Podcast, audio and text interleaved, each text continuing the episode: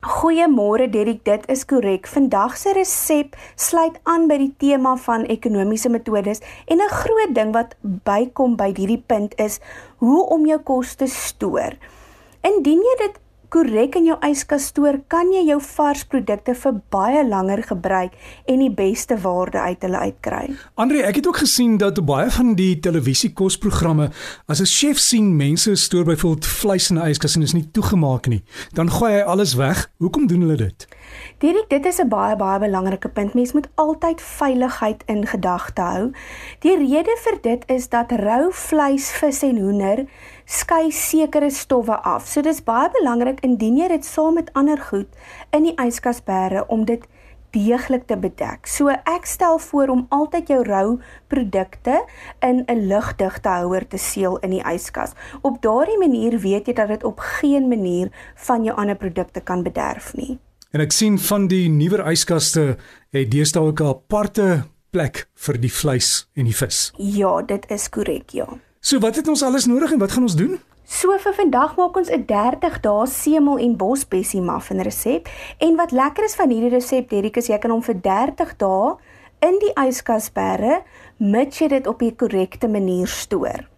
So vir vandag benodig ons 125 ml olie, 2 eiers, 300 g bruin suiker, 5 ml vaniljegeursel, 500 ml melk, 5 ml sout, 140 gram semelryke meel.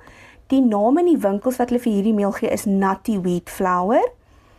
Dan benodig jy 180 gram koekmeel, 500 ml semels, 80 gram gedroogde bosbessies, 10 ml koeksoda en 1 medium grootte muffinpan.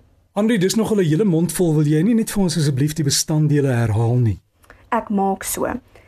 Dit is 125 ml olie, 2 eiers, 300 g bruin suiker, 5 ml vaniljegeursel, 500 ml melk, 5 ml sout, 140 g semelryke meel, die winkels verwys na dit as nutty wheat flour, 180 gram koekmeel, 500 ml semels, 80 gram gedroogde bosbessies, 10 ml koeksoda en 1 medium grootte muffinpan.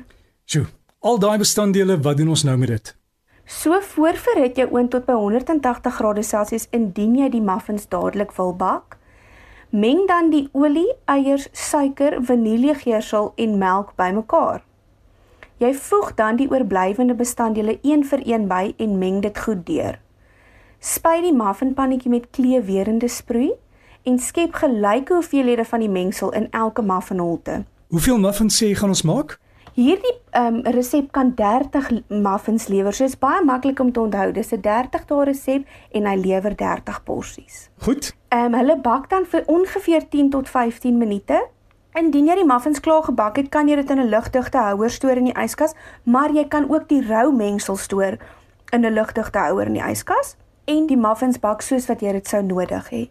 En jy het gesê jy kan dit vir 30 dae stoor. Hierdie is onder in die yskas, dis nie in die vriesgedeelte nie. Nee, in die vriesgedeelte nie, in die yskas.